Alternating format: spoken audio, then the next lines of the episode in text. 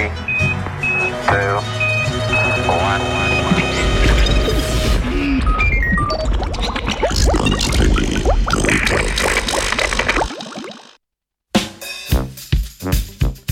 Prisluškovanje po rastlinsko.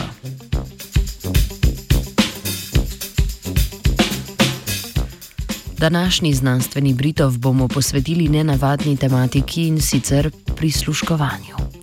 Mednarodna raziskovalna skupina je namreč v reviji PNAS nedavno objavila izsledke raziskave, v kateri so preučevali mehanizem, s katerim zajedavska rastlina predenica prisluškuje svoji gostiteljski rastlini. Zajedavka brez korenin in listov, rastlina vrste predenica, ki raste tudi pri nas, se s svojim steblom ovije okoli gostiteljske rastline in prodre v njena tkiva, da iz njih pridobi vodo in hranila.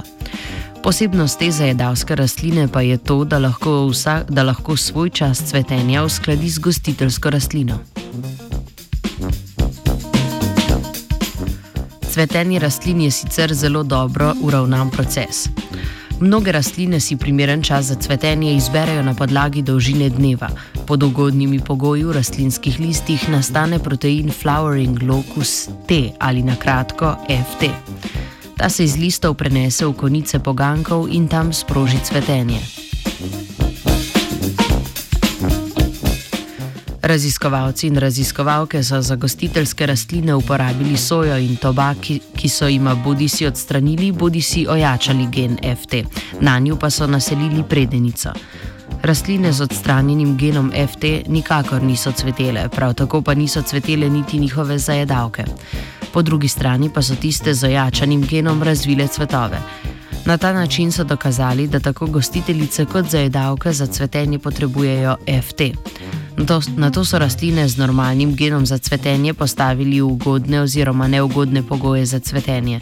Pod ugodnimi pogoji sta cveteli tako gostiteljica kot zajedavka, pod neugodnimi pa nobena.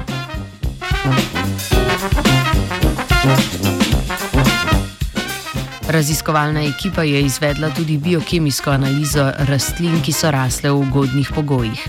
Ta je razkrila, da se lahko signali iz gostiteljske rastline prenesejo v zajedavsko rastlino in tam fizično vplivajo na DNK predenice ter na ta način sprožijo njeno cvetenje.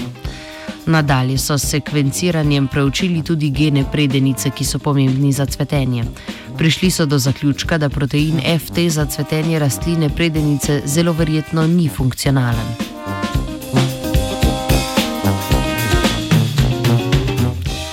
Glede na to, da gen FT v predenici obstaja, vendar ni delujoč, gre najbrž tu za primer regresivne evolucije. To je za zajedavke lahko koristno zato, ker lahko ob določenem času dobijo od gostiteljic ustrezna hranila, s tem pa lahko uspešno nadaljujejo vrsto. Rastlinskemu prisluškovanju je prisluškovala živa. Three, two,